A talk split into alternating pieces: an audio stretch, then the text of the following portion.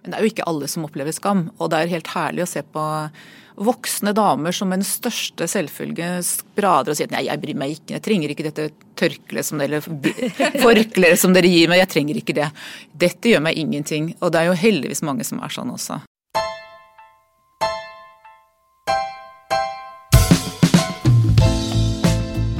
Ingvild Wistad og Bente Maltby, velkommen til det hun sa. Tusen takk. Dere er begge to gynekologer. Dere jobber på Sørlandet sykehus. Og så er dere spesialister i fødselshjelp og kvinnesykdom. Sammen med meg i studio så sitter kollega Silje Dagsvik. Hei. Før dere kom, så satt vi og snakka litt om hva vi var nysgjerrig på. Eh, og når det kommer til det med gynekologi, gynekologi som er også et vanskelig ord å si, så er det mange ting eh, vi lurer på. Og én ting er dette med hvorfor er det så vanskelig?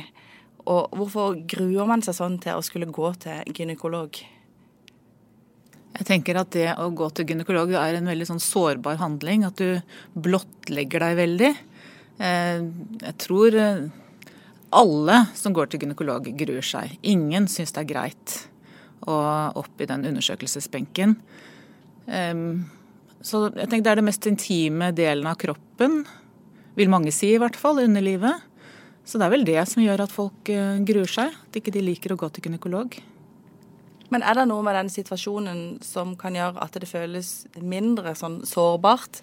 For det er et eller annet når du kommer inn der i det rommet og du skal ta av deg, og du står og fryser litt, og så skal du opp i den benken. Og, altså, det er jo en litt sånn Ja, det er jo ikke noe, det er ikke noen situasjon man gleder seg til. Men, men hva kan dere gjøre for at det skal føles bedre?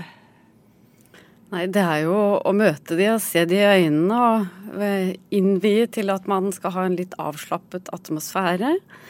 Og eh, forklare ting underveis som du gjør, da. Det tror jeg gir en slags trygghet. At man legger seg opp i stolen. Man forklarer liksom suksessivt hva man gjør eh, underveis. Og så er jo folk veldig forskjellige, da. Sånn at eh, man må jo prøve å lese den enkelte når den ligger oppi den stolen der. Og så er det jo sånn at vi oftest, eller alltid, tar en prat med pasienten først. Og tenker det er vår viktigste oppgave, eller En av våre viktigste oppgaver er å roe ned pasienten, sånn at hun ikke er så engstelig og stresset for det hun skal gjennom. Så at vi prøver å roe ned da, med å sitte og småprate litt først, og selvfølgelig høre hva problemet er, før eh, vi ber om at eh, hun skal ta seg nedentil for å sette seg opp i benken. Og så har vi også på kvinneklinikken i Kristiansand et sånn, en liten duk som man kan ha i fanget. Og det hjelper faktisk litt det også, at man ikke føler seg helt avkledd når man er i den undersøkelsesbenken. Ja, Der har jeg faktisk et lite tips for dette, til de lytterne som hører på. for det jeg tenkte jo, Før vi skulle treffe dere, så tenkte jeg litt på dette. Altså, Du har jo overhodet ikke lyst til å gå og ta den undersøkelsen. Men jeg fant en greie som hjalp, og det var at jeg tok på meg en sånn tunika som er litt lengre nede. En sånn topp. Eh, og da ble på en måte den der eh, overgangen når du skal ta av det undertøyet og skal opp på benken, og den litt sårbare delen bare mye lettere. Og så kunne jeg bare switche opp eh, tunikaen når selve undersøkelsen skulle gjennomføres. Så det var, dagens, det var mitt bidrag i dag i podkasten. Et lite tips. men Eh, jeg lurer litt på det. Er det sånn at dere merker eh, når, eh, når pasienter kommer inn, eller kvinner kommer inn, at det, er det stor forskjell på kvinner i forhold til måten å være nervøs på? Eller er det noe som er litt sånn gjenganger? Det er jo veldig forskjellig. For jeg tenker på at folk kommer jo inn med sine historier inn i det rommet. Noen forteller de historiene, andre forteller de ikke. Og eh, det er eh, Jeg tror alle er sårbare i den situasjonen, men det er klart, har du opplevelser eh, fra ja, overgrep eller ja, traumatiske situasjoner, da, så klart så inn, kan jo det innhentes veldig i den stolen. Så man må jo forsøke å være så var som man kan, men vi kan jo ikke lese alt heller. Og noen har fortrengt ting, sånn at de viser det ikke, ikke sant. Så ja. Man må men, prøve ja. å være menneskelig og lytte til den du har foran deg. da. Prøve å gjøre den situasjonen minst mulig ubehagelig. For det er jo ubehagelig. Det er jo sånn som vi som gynekologer òg. Vi gruer oss jo også til den undersøkelsen. Det, det, er jo noe av det verste man gjør. Sånn som å gå til tannlegen. Mm. Men åssen er det å ha en jobb da, som innebærer at jeg må møte pasienter som har, som har grua seg til å, å komme? Ja, det er jo mange som sier de, de Stakkars deg som er gynekolog. Stakkars deg som må gjøre gynundersøkelser hele tiden, eller hele dagen. Og da sier jeg at det gjør vi jo faktisk ikke hele dagen. Vi gjør jo veldig mye annet enn å bare gjøre undersøkelse. Men jeg tenker at det er egentlig et privilegium òg å møte kvinner i en sånn veldig veldig sårbar situasjon og prøve å gjøre den opplevelsen ikke negativ, da. At de kan gå ut av rommet etterpå og være lettet over at ja, men dette gikk jo faktisk veldig greit. Det var ikke så ille som jeg hadde forventet. Og sånn syns jeg ofte at det er. Men det de lurer på når de kommer inn der, eller det de er redde for, er det at de skal se rare ut, eller at ikke de er reine nok? Eller at, liksom, at det skal være noe At det skal gjøre vondt? Hva, hva, hva tror du det er som gjør at, at det føles så ja, at man er så nervøs foran en sånn undersøkelse? Ja, jeg tror det er veldig mangefasettert, men vi som gynekologer vi er jo ikke interessert i hva slags sokker de har på seg, eller undertøy, eller hva de har på seg. Vi er jo liksom dedikert for å gjøre jobben vår, og da ser vi jo etter Altså vi, gjør, vi ser det vi skal se etter, og det, folk kommer jo med forskjellige eh, problemstillinger, da. Ikke sant. Noen kommer fordi de, har født barn, og det liksom eh, har blitt problemer med nedsunken livmor og sånne ting. Så har du yngre kvinner som kommer med selvforandringer. Det er jo veldig mange problemstillinger som eh, du bare egentlig tenker at nå skal jeg løse problemet, jeg skal gjøre jobben min. Og så er jeg ikke opptatt av alt det ytre, men jeg er opptatt av å ivareta kvinnen som ligger i den stolen, med hennes sårbarhet og gi henne en forklaring på hva jeg gjør underveis, og, og komme til altså liksom Når vi er ferdig med undersøkelsen, at de kan sette seg opp, og så har man en samtale i etterkant.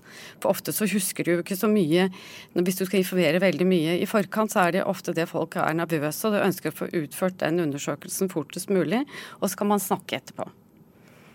Og så må jeg jo si at, eh, eller som jeg prøver å si til pasientene hvis de kommer med en unnskyldning, for det er en del som gjør det. 'Å, jeg har ikke rukket å vaske meg', eller 'jeg har ikke rukket å barbere meg', osv. Og si at det bryr jeg meg ingenting om.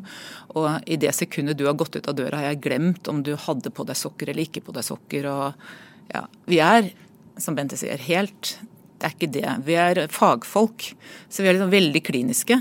Vi er bare interessert i om, er, om vi kan finne et eller annet gærent, eller om vi ikke finner noe gærent, og prøve å hjelpe pasienten. Det kan jo ligge mye skam, skam i dette. Altså i, i, i, alt fra sykdommene man kan finne ut at man har, til um, det å skulle blottlegge seg litt, føle, følelsen av å blottlegge seg da, når man er i et behandlingsrom eller i møte med dere på sykehuset. Eh, hvordan opplever dere, Hvilke type skam er det dere møter i størst grad, hvis det går an å sette ord på det? Eh, jeg tror du har helt rett i det. Det er mange forskjellige typer skamfølelser folk har.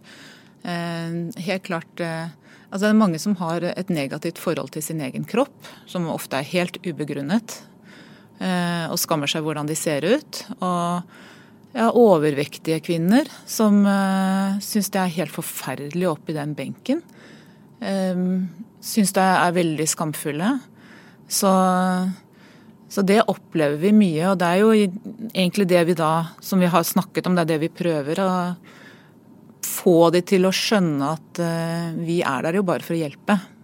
Uh, og prøve å få de til å være rolige. for det at jo mer engstelig man er, jo mer binder man seg også i den gyn-undersøkelsen og binder musklene i bekkenet, så det blir vanskeligere for oss å gjøre undersøkelsen, og mye mer ubehagelig for kvinnen. Så det, hvis vi klarer å få de til å slappe av og ikke spenne musklene i bekkenbunnen, så oppleves det ofte mye bedre for eh, kvinnene. Jeg syns det er litt trist det der at det skal være forbundet med skam. For det er jo en del av kroppen vår. alle folk har på en måte det samme i litt ulike varianter. Så det er litt sånn trist at vi må nødt til å ja, helt, kjenne, helt kjenne på det. Og det er jo noe av det jeg skulle ønske at vi kunne være med på, på å endre òg. Også med å få dere inn her til å snakke om det. Ja. Men det er jo ikke alle som opplever skam. Og det er helt herlig å se på voksne damer som med den største selvfølge sprader og sier at nei, jeg bryr meg ikke, jeg trenger ikke dette tørkleet som dere forkleet som dere gir meg, jeg trenger ikke det. Dette gjør meg ingenting. Og det er jo heldigvis mange som er sånn også. Blir du litt glad da? Når de, jeg blir veldig glad for det. Ja, jeg syns jo det er helt fantastisk at de er helt eh, ja, naturlige forhold, naturlige forhold til sin egen kropp, som kan se altså, helt forskjellig ut og ikke se ut som en sånt glansbildekropp. Og det er jo kjempefint å se. Jeg lurer på om det her er en forskjell mellom generasjonene. At de generasjonene som vokser opp nå, kanskje har litt lettere for oss å snakke om ting som vi og våre foreldre igjen har syntes har vært vanskelig, når det kommer til dette med kvinnekropp. Jeg har ei datter på 13, og jeg opplever at hun eh, er ganske mye mer åpen eh, enn det jeg har vært opp igjennom. Eh, hva tror dere om det som, som fagfolk? Går vi riktig vei? Altså, det, det, jeg syns det er litt vanskelig å svare på det som sykehuslege, for dette tror jeg kanskje hører mer hjemme liksom hos helsesøster og i kommunehelsetjenesten. For vi er jo spesialisthelsetjenesten, så vi ser vel kanskje ikke helt den problemstillingen på sykehusene. Men eh, jeg, jeg tror det er veldig bra at man kanskje nå per eh, i dag har mer sånn kameratslig forhold ofte med sine foreldre. Og da kan man bruke sine foreldre, så er jo ingenting som er bedre enn det, tenker jeg. At man har en åpen tone hjemme. Det gjør jo det lettere for å snakke om de vanskelige tingene. Det rare er at når vi skulle ha besøk av dere nå, og vi hadde forberedt oss litt, så syns vi òg at noen av disse ordene var liksom vanskelig å si. Og Du Silje, du var jo litt sånn der, du snakka om mensen, og så snakka du litt lavere med en gang du sa det. Jeg tenkte ikke over det, men gjorde, det, gjorde nok det, ja. ja. Mm. Det, men det burde ikke være sånn. Jeg tror at eh, der har vi en ganske viktig oppgave også, når vi sitter med kvinnen foran oss. Hvis vi kan eh, snakke om eh, kroppen på en helt naturlig måte, så er det mye lettere for henne å, å, å komme frem med det som er problemet. Og, så jeg snakker om klitoris og kjønnslepper og jeg har kreftpasienter og spør de om åssen sexlivet er. Og da merker jeg jo at uh, det er jo mange som kanskje ikke sier så veldig mye første gangen, men uh, neste gang de kommer, så er de tryggere og kan de ta opp det som faktisk de kan oppleve som et problem. Så hvis jeg kan åpne for det, så er det lettere for de også å være åpne om, om dette. Har du blitt mer åpen eh, om disse tingene pga. din kompetanse og din erfaring, eller har du alltid vært sånn? på en måte? Nei, jeg tror faktisk jeg ble åpen, eller at jeg lærte meg mye å snakke om dette her mens jeg var medisinerstudent. Ja. For da var jeg i noe som het eh, medisin eller seksualopplysning når jeg studerte i Oslo. Eh, det tror jeg er mange steder nå. Og det var veldig fint. Da dro vi rundt på ungdomsklubber og snakket om åssen eh, jenter og gutter ser ut. og prevensjon og alt mulig sånn. Så det er klart at det altså, Men det er jo mye lettere for oss i og med at dette er faget vårt, dette er jobben vår. Så det faller jo oss mye mer naturlig å snakke om eh, underlivet og de forskjellige delene av underlivet, selvfølgelig. Det er jo viktig etter fødsel også, ikke sant. For eh, der tror jeg det eh, Altså, etter at du er født, så føler man seg jo ganske maltraktert nedentil. Og det å gi litt generell informasjon liksom i tiden etter at man er født også, så jeg pleier alltid det etter at jeg snakker, snakker med en som det har vært eh, på barsel, ikke sant, om eh, å snakke med de etterkant. og forklare litt om hva de kan forvente seg i tiden etterpå. F.eks. det at når du ammer, så, det jo, så undertrykker det all østrogenproduksjonen. Sånn at det, kvinnen er jo da nesten i en sånn naturlig overgangsalder i den perioden hun ammer. Det står det veldig lite om i, i bøkene, så mange føler at de, det å komme i gang med seksuallivet etterpå, at det kan være litt vanskelig.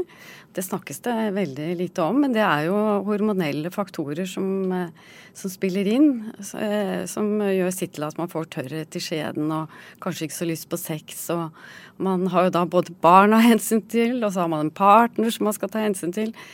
sant? Så, og kvinnen eh, har mange fokus i etterkant av den fødselen, som kanskje det er litt greit å få litt mer informasjon om. Det savner jeg litt i det generelle i samfunnet, for det står litt om det i bøkene også.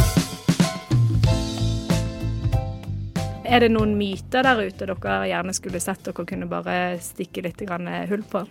Jeg tenker litt på dette med abort, å ta abort. Det er jo mye skambelagt eh, i samfunnet. Og det er, det er jo veldig mange kvinner som i løpet av sitt liv har hatt en abort. Eh, og, og, hvis man eh, ender opp med en senabort, og når jeg ser nå liksom eh, de siste årene så er det jo mer av de senabortene som er, er jo fordi at det gjerne er noe galt med fosteret. Det er jo veldig sjelden det er sånn sosial grunn for å gjøre en abort. Men det er jo, det er jo en tragedie for det paret det gjelder. Og, og, de har det kjempetøft. Og det er jo Å ha en stenabort, så er, må du gjennom en liten fødsel i seg selv, ikke sant. Og for det gjør noe med deg resten av livet. Det er noe du bærer med deg resten av livet. Og det tror jeg er veldig skambelagt i mange, kanskje spesielt her på Sørlandet. Eh, men eh, dette er ikke noe kvinner gjør av letthet. Dette er så tunge bører de bærer med seg. Vil det være lettere, tror du, å gå gjennom en sånn eh, prosess med en senabort hvis man snakker om det? Altså, Bør vi legge til rette for at dette kan vi snakke, snakke åpent om? Vil det, det, vil det, gjøre det, enklere? Altså, Det vil aldri være enkelt, det skjønner jeg, men, men kan, vi, kan vi ta vekk noe av den byrden ja, jeg tror eh, Altså det gjelder jo generelt i samfunnet, så det med abort, det snakker man ikke så veldig mye om. Og i hvert fall ikke det som er en selvbestemt Nei. abort. Mm. Nei, en spontanabort kan man jo liksom føle en sorg over, men det er jo en, en abort man bestemmer over eh, selv, en provosert abort. Det, det, tror jeg er skambelagt og uvisst av hvilken grunn, men uh, de kvinnene som gjennomgår en provosert abort, de har i hvert fall ikke noe det, noe, det, gjør det ikke med letthet. Det er en grunn til at de velger en sånn situasjon. Mm. Og de trenger kanskje litt uh, trøst og støtte. Ja. Men kan de få det på eh, sykehuset f.eks.? Altså hvis man eh, Det har vært skrevet litt om at eh, man blir sendt hjem, og at man må gjennomføre dette hjemme hos seg selv osv. Ligger det noe her også? Altså, det er akkurat som om den delen av en graviditet, enten ønsket eller uønsket, skal man på en måte gjøre selv hjemme. Mens en fødsel, det, det er man jo sånn selvsagt på sykehuset for. Eh, hva er din tanke om det som eh, Nei, jeg, jeg, har jo jobbet som gynekolog så lenge at uh, den gangen da jeg ble opplært, så, så, gjorde man jo kun kirurgiske aborter. Og det er jo et inngrep på kvinnene, og hun fikk narkose. Så det er klart, nå at man kan gjøre dette ved hjelp av tabletter, så er det jo en mye mindre liksom påkjenning for kvinnekroppen i seg selv. Jeg tror det. Og det er jo nå sånn at eh, på sykehuset hos oss så gjør man jo en hjemmeabort hvis man er før uke ni. De fleste kvinner nå oppdager jo tidlig at de er gravide. Uh, og sånn at de aller fleste abortene som er provoserte, de gjennomføres jo tidlig og før uke ni. Så vi har jo da et, en ramme rundt at vi, kvinnen må jo ha noen hjemme hos seg. Og det er jo et nummer å ringe til sykehuset. Jeg tror egentlig at eh, de fleste har det bra hjemme med hjemmeabort, det tror jeg. Mm. Og så er det jo de som har kommet litt lengre enn ni uker, de, de, har, de har vi som en dagbehandling på gynekologisk poliklinikk. Og vi har dedikerte sykepleiere som er veldig omsorgsfulle i så måte. De, de, færreste snakker jo om det de har opplevd, både når det er sånn senabort og når det er noe de har valgt sjøl. Det må jo bety at der går jo ganske mange kvinner rundt og, og bærer på hemmeligheter om dette. Eh, kan det føre til Altså kan, kan man bli, bli, ha det dårlig av det? Kan man bli syk av det? Jeg tror vel egentlig det viktigste når det gjelder det med abort, så skal du være sikker på at dette er noe du vil, eller at det er din egen bestemmelse, at ikke du er presset til det. At eh, det er jo det som er det viktigste ved det å ta den aborten. fordi at eh, en abort må du jo leve med videre. Og hvis du har vært usikker på det, eller at du har vært presset til det, så tror jeg at du vil slite med det i etterkant. Mm. Jeg har lyst til å litt tilbake til dette med kvinnehelse. Og så lurer jeg på, eh, hvis allting kjennes greit ut, eh, hvis man ikke har noen spesielle problemer, eh, bør man allikevel gå og sjekke seg?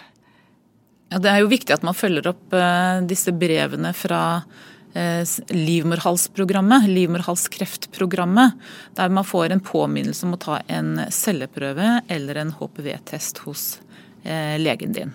Det er kjempeviktig at du gjør. Og Det er litt avhengig av hva slags alder du er, eh, om du skal ta enten en celleprøve eller en HPV-test. Og Er den helt normal, så er det da tre år til neste gang hvis du har tatt en celleprøve. Og så er det nytt nå for de som tar, skal ta HPV-test i visse, aldersgrupper. Det er hvert femte år hvis den er normal.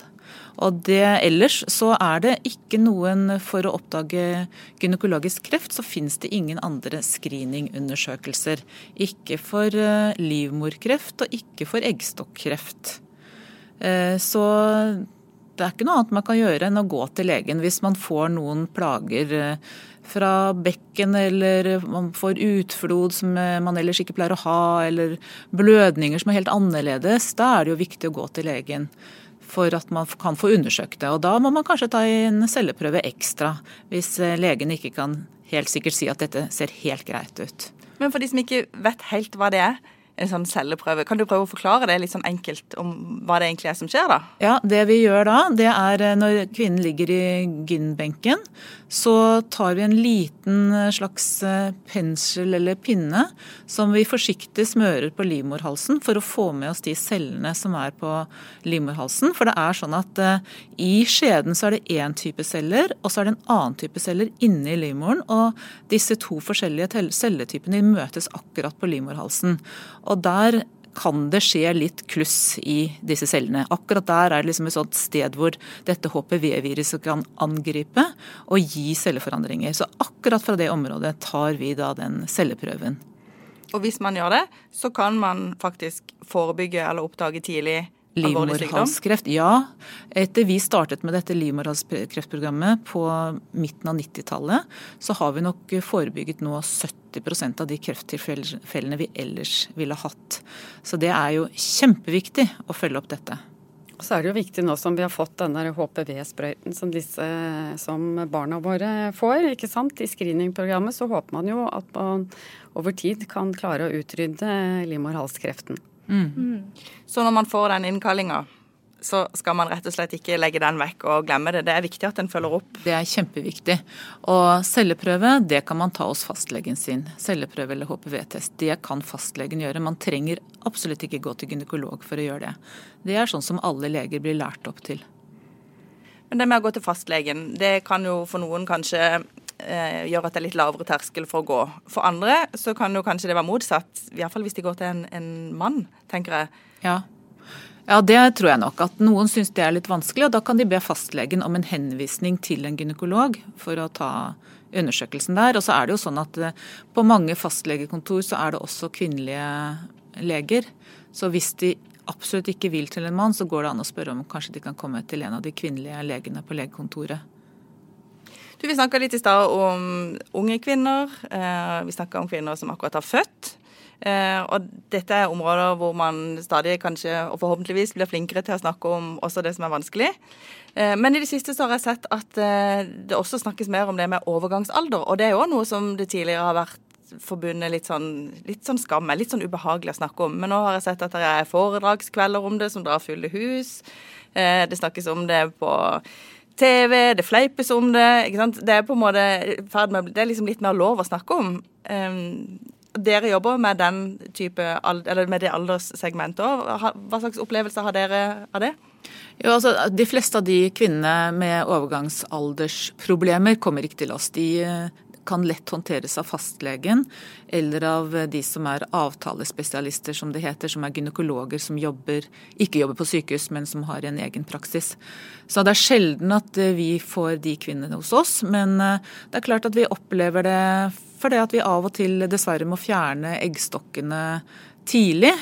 Kanskje pga. kreft, eller fordi at det skal forebygge Eh, sånn arvelig eggstokkreft. Og da går jo de kvinnene brått i overgangsalder. Så da er det viktig at vi gir de hormoner for det. Så, og det er viktig at uh, går, går, man tidlig i overgangsalder, så må man få hormoner. Hormontilskudd. Til man kommer i naturlig overgangsalder, som er i Norge sånn 51-52 år. Jeg må spørre, Du nevnte det finnes jo ingen screening for, eh, for livmorkreft bl.a. og det er andre typer kreft i underlivet. Er det, eh, hvordan eh, merker man eh, i snittet tidlig med disse krefttypene, eller er det noen krefttyper som, som gjentagende oppdages for seint, eller det er veldig gode spørsmål. Altså, når det gjelder kreft i livmoren, så oppdages det ofte tidlig. Og det er fordi at eh, da starter nesten alltid kreftsvulsten i slimhinnen i livmorhulen, og da begynner det å blø. Så kvinner som har, eh, er kommet i overgangsalderen etter, etter overgangsalderen, som da har sluttet å menstruere, hvis de får blødning, så kan det være et tegn på at det er kreft i livmoren, selv om det oftest ikke er det. Men det er eh, bare 30% av de kvinnene som har blødning etter overgangsalderen som eh, har kreft, men det er alltid viktig å få det undersøkt. Da. Men det gjør i hvert fall at akkurat den kreftformen oftest oppdages tidlig. Noe helt annet eh, er det dessverre for eggstokkreft. Eh, det oppdages ofte sent, når det allerede har rukket å spre seg. For det gir så diffuse plager akkurat i den alderen av kvinner kan bli litt mer slitne og kanskje gå litt mer opp i vekt og føle seg forandret og kanskje ha litt vondt her og litt vondt der. Og så viser det seg at det er eggstokkreft. Eh, men det er jo også da heldigvis en veldig sjelden kreftform. Det er ikke mer enn 450-500 kvinner i året i Norge som får eggstokkreft. Så det er jo ikke noe vanlig kreftform, da. Du, hvordan er det å jobbe med dette? Det er jo veldig sånn alvorlig tema, og du møter jo mange kvinner som har alvorlig sykdom. Hvordan er det? Ja, jeg må si at jeg eh, føler det som et stort privilegium å få jobbe med kvinner som har kreft. For det at eh, jeg har eh, Det blir sånn floskel, men jeg har lært så mye av de kvinnene jeg møter. Eh, så jeg blir bare fylt av ærefrykt for eh, tapre, flotte damer som, som går gjennom mange faser. Fra å være sint og bitter og frustrert, men de aller fleste håndterer bra det å få kreft. Og så er det jo sånn at de aller aller fleste som får gynekologisk kreft, blir faktisk friske. Så det er jo ikke så dramatisk. Så det mest dramatiske og vanskelige er jo de som har, har blitt oppdaget på spredningstidspunktet, når det allerede har rukket å spre seg og vi ikke har så veldig mye god behandling å tilby. Men så er det også sånn at det skjer masse spennende forskning, og det er stadig bedre behandlingsmetoder for også gynekologisk kreft. Og det er kjempebra. Bente Baltby, du har jo vært i, i bransjen man kunne si, i, i ganske lang tid. Um, kan du fortelle om noe som, eller hva som har gjort mest inntrykk på deg i den tida du har jobba med, med, kvinner i så spesielle livsfaser, som f.eks. Um, når de akkurat har født eller skal føde? Mm. Jeg må jo si det at eh, jeg følger jo eh, Nå er jo jeg eh, seksjonsoverlege på føden, sånn at jeg følger kvinner på poliklinikken, og jeg er der i fødsel. Og eh, jeg syns jo eh, tiden fra det eh, Nå er jo særlig de diabetespasientene jeg følger på poliklinikken, da, som jeg har hjerte for. Og de setter vi jo i gang før tiden, og det er en påkjenning å bli satt i gang. Og så, så, da er det jo på sykehuset i den igangsettingsprosessen, og så, det, og så skal de føde i etterkant. Jeg må jo si det at jeg, jeg syns at jeg har en fantastisk jobb å kunne være til stede når barn blir født. Det er jo de gylne øyeblikk, og det får jeg fortsatt kick av.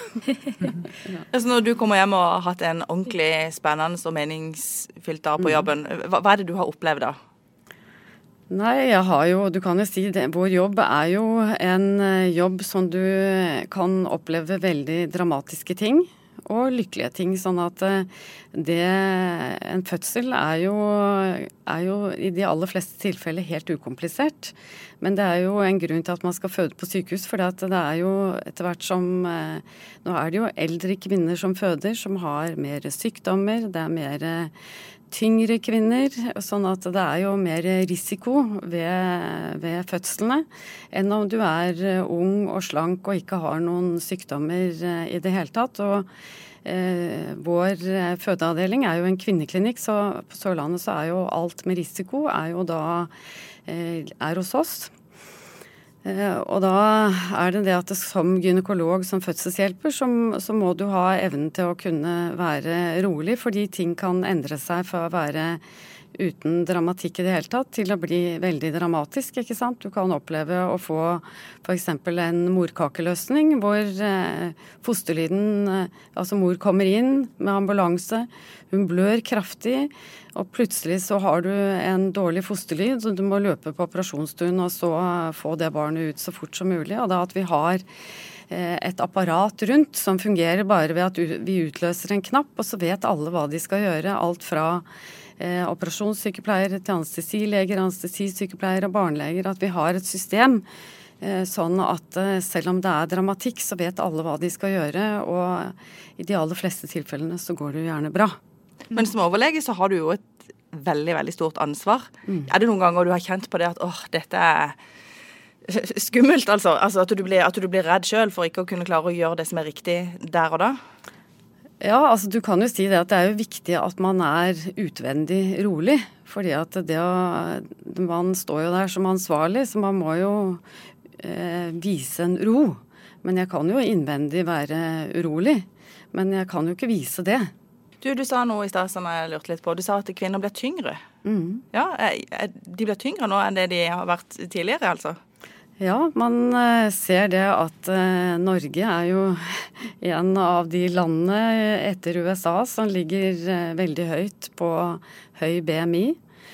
Og da er det jo også økt fare for svangerskapsdiabetes bl.a. Og det er jo risiko for både mor og barn, dessverre. Så Eh, hvis man skal tenke på det med, med, vekt, så er jo graviditet en gyllen anledning til å ta det virkelig på alvor. For da for liksom det mor eh, propper i seg, det går jo over til barnet. Sånn at det er en gyllen anledning for å virkelig eh, ta rev i seila og tenke på hva man putter inn i munnen. Og er man stor, så er det jo en veldig fordel å ikke legge så veldig mye på seg i svangerskapet. Så da gjør man jo en kjempejobb bare ved hjelp av det.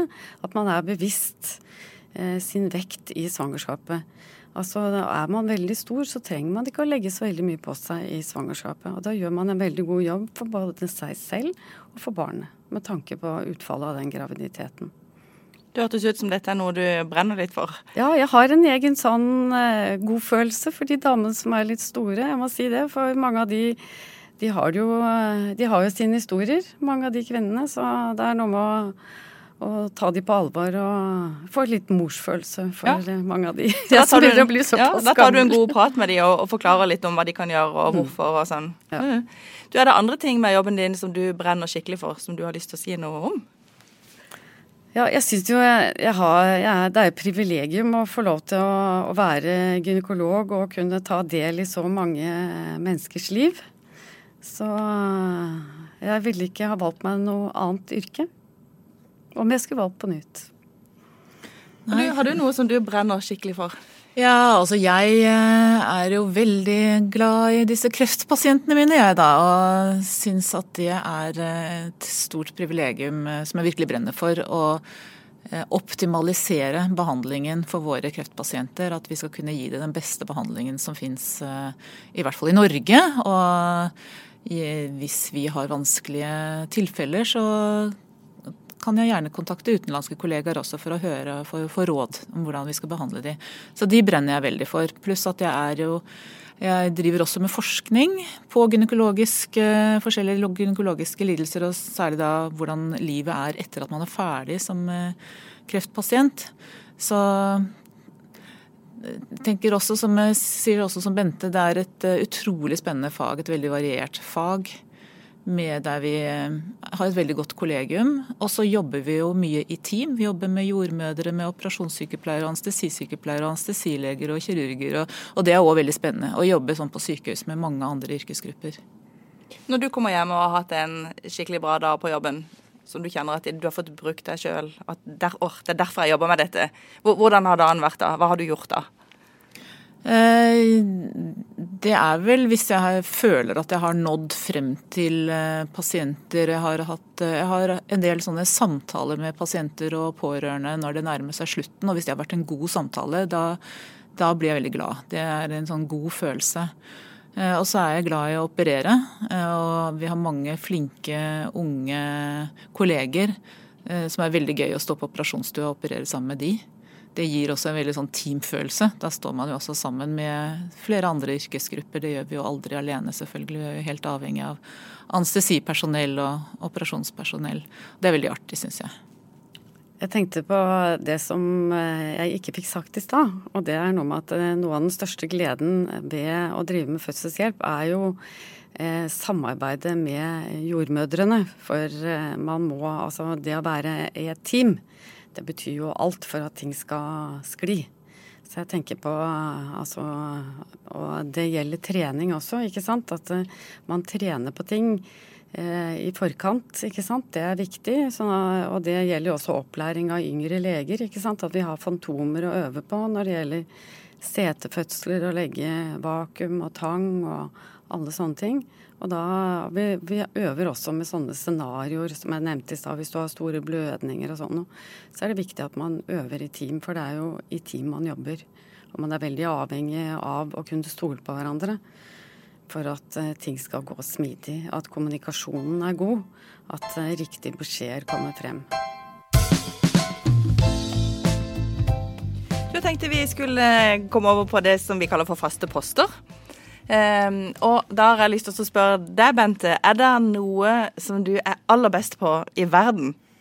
Eh, det syns jeg var veldig vanskelig. Nei, jeg, jeg, jeg, jeg har funnet ut at jeg er, ikke, jeg er, ikke, best i verden på noen ting, for å si det sånn. Men jeg spurte mine barn da hva som var min eh, gode egenskap. Og da mente de at jeg var snill, og jeg, har nok lært av min mor å være litt dumsnill. Det hørtes ut som en fin ting å, å være best på. Ja. Du, er du best i verden på noe? Nei, jeg må jo si som Bente at jeg føler absolutt at jeg er veldig langt ifra best i verden på noe. Eh, jeg prøvde å diskutere det med min mann, han kom ikke på noe, han heller. Men eh, nei, jeg tenker at hvis det skal være noe At jeg er veldig, jeg er veldig strukturert, da. At jeg, jeg, får gjort veldig mye. Og det er nok takket være en sånn planleggingsevne eh, som gjør at jeg, jeg får unna en del ting. Men, uh, Veldig verdens, mye får du unna. men verdens beste det er nok langt ifra, ja. Du, Er det noe du eh, nerder litt på? En sånn veldig spesiell ting som du dypdykker i? Ja, altså Nå har jeg jo vært litt inne på det at jeg driver med forskning, og jeg er helt nerdete når det gjelder språk. Veldig opptatt av språk, hvordan man uttrykker seg, opptatt av kommunikasjon og eh, altså hvordan, ja, rettskrivning og hvordan formulere seg. Jeg kan bruke veldig lang tid på det og henger meg veldig opp i altså, andre som skriver dårlig. Og da snakker du til journalist, og dette er musikk i mine ører. det er helt nydelig å høre på. Er det noe eh, som du nerder på? Bente? Jeg diskuterte med Ingvild i går. Jeg følte at jeg er egentlig veldig lite nerdete. Men det må jo være, kanskje være sånn på jobben at eh, da liker jeg folk gjør jobben sin. ja, men det er bra. Mm. Er du litt streng, Bente, eller? Nei, jeg tror jeg, Bente er ikke veldig streng. Nei, jeg er ikke det. Men eh, jeg vil gjerne at liksom systemet skal gå smurt. Og da det liksom eh, Da må jo alle ta sin del av den kaka. Og så er Bente selv et arbeidsjern, mm. så forventer vel også at andre kan mm. Eh, bidra. Du, Hvor viktig er dere to for hverandre sånn som kolleger? Veldig viktig, vil jeg si. Det er det. Ja. Kjempeviktig. Vi har kontor rett ved siden av mm. hverandre og kan liksom eh, stikke inn og ta en liten prat og blåse ut litt av og til. Og mm. det er veldig deilig å ha en sånn kollega som Bente. Mm. Det betyr og mye å ha noen å dele altså, med. Er, vi har kjent hverandre i mange år, og det er en glede, sann glede at jeg har Ingvild som kollega og venn. Så heldige vi, da, som fikk mm. dere to i studio sammen. Jeg har lyst til å si tusen takk for at dere ville komme. Jeg lærte faktisk masse. Hvordan er det med deg, Silje? Ja, masse. Tar du med deg tunika neste gang? jeg kjente jeg angret litt på den tunika-historien. Nei, vet du hva, det skal du ikke gjøre. For at uh, tunika-historie det er, Mange kvinner kommer med tunika eller sier 'jeg tok med meg kjole i dag', jeg. Sier de, eller 'jeg tok med meg en lang genser'. Så akkurat der er du ikke alene, og det er et veldig godt råd til kvinner som skal til Og det er mye bedre enn en buksedress hvor du må ta av deg alt. ja. Jeg har en sånn morsom historie fra da jeg studerte. Da skulle jeg til gynekolog, og så hadde jeg, jeg drev og sydde tøy en gang i tiden, så da hadde jeg sydd meg en sånn buksedress som var hel. Ja. Og så sa de skal du til gynekolog? OK!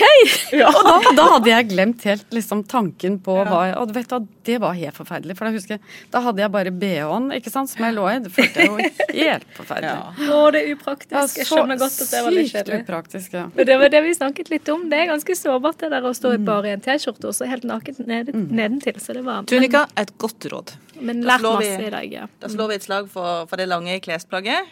Og så oppfordrer vi folk til å ta de undersøkelsene de skal ta. Møte opp. Og det trenger ikke være noe dårlig opplevelse i det hele tatt. Så tusen takk igjen. Tusen takk. Takk for oss. Takk for oss. Du har lytta til Federlandsvennens podkast 'Det hun sa' med Birgitte Klekken. Har du tips til andre bra damer vi bør snakke med, eller har du lyst til å dele inspirerende erfaringer fra ditt arbeidsliv? Ta kontakt på dethosa.fun.no.